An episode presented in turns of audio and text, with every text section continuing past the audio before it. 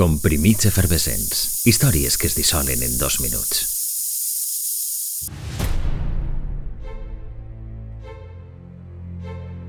Quasi res va eixir com estava previst a excepció de l'objectiu primordial. La Voskhod 2 va orbitar dos voltes el planeta i es va preparar per a convertir-se en llegenda. Dos tripulants, un objectiu i una pila de problemes que al final quedarien en un segon pla.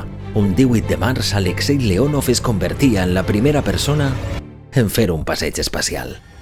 Leonov estigué 23 minuts levitant en el buit fascinat per aquelles sensacions úniques que mai abans havia experimentat cap ésser humà però de tot i ser temps, més de la meitat se'l va passar resolent problemes.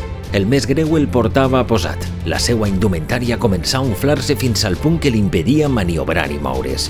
Tornar a la nau resultà una odissea sobretot pel volum, que l'impedia entrar al reduït habitacle.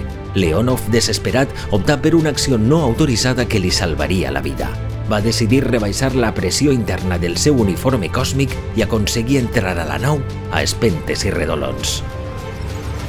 Missió complida, sí, però encara havien de tornar a casa. La maniobra de reentrada també fou un desastre i acabaren tocant terra al mig de Sibèria, a milers de quilòmetres de la ubicació prevista. Un viatge que fou de tot llevat d'agradable, però que el remat fou un èxit sense pal·liatius. Un 18 de març de 1965.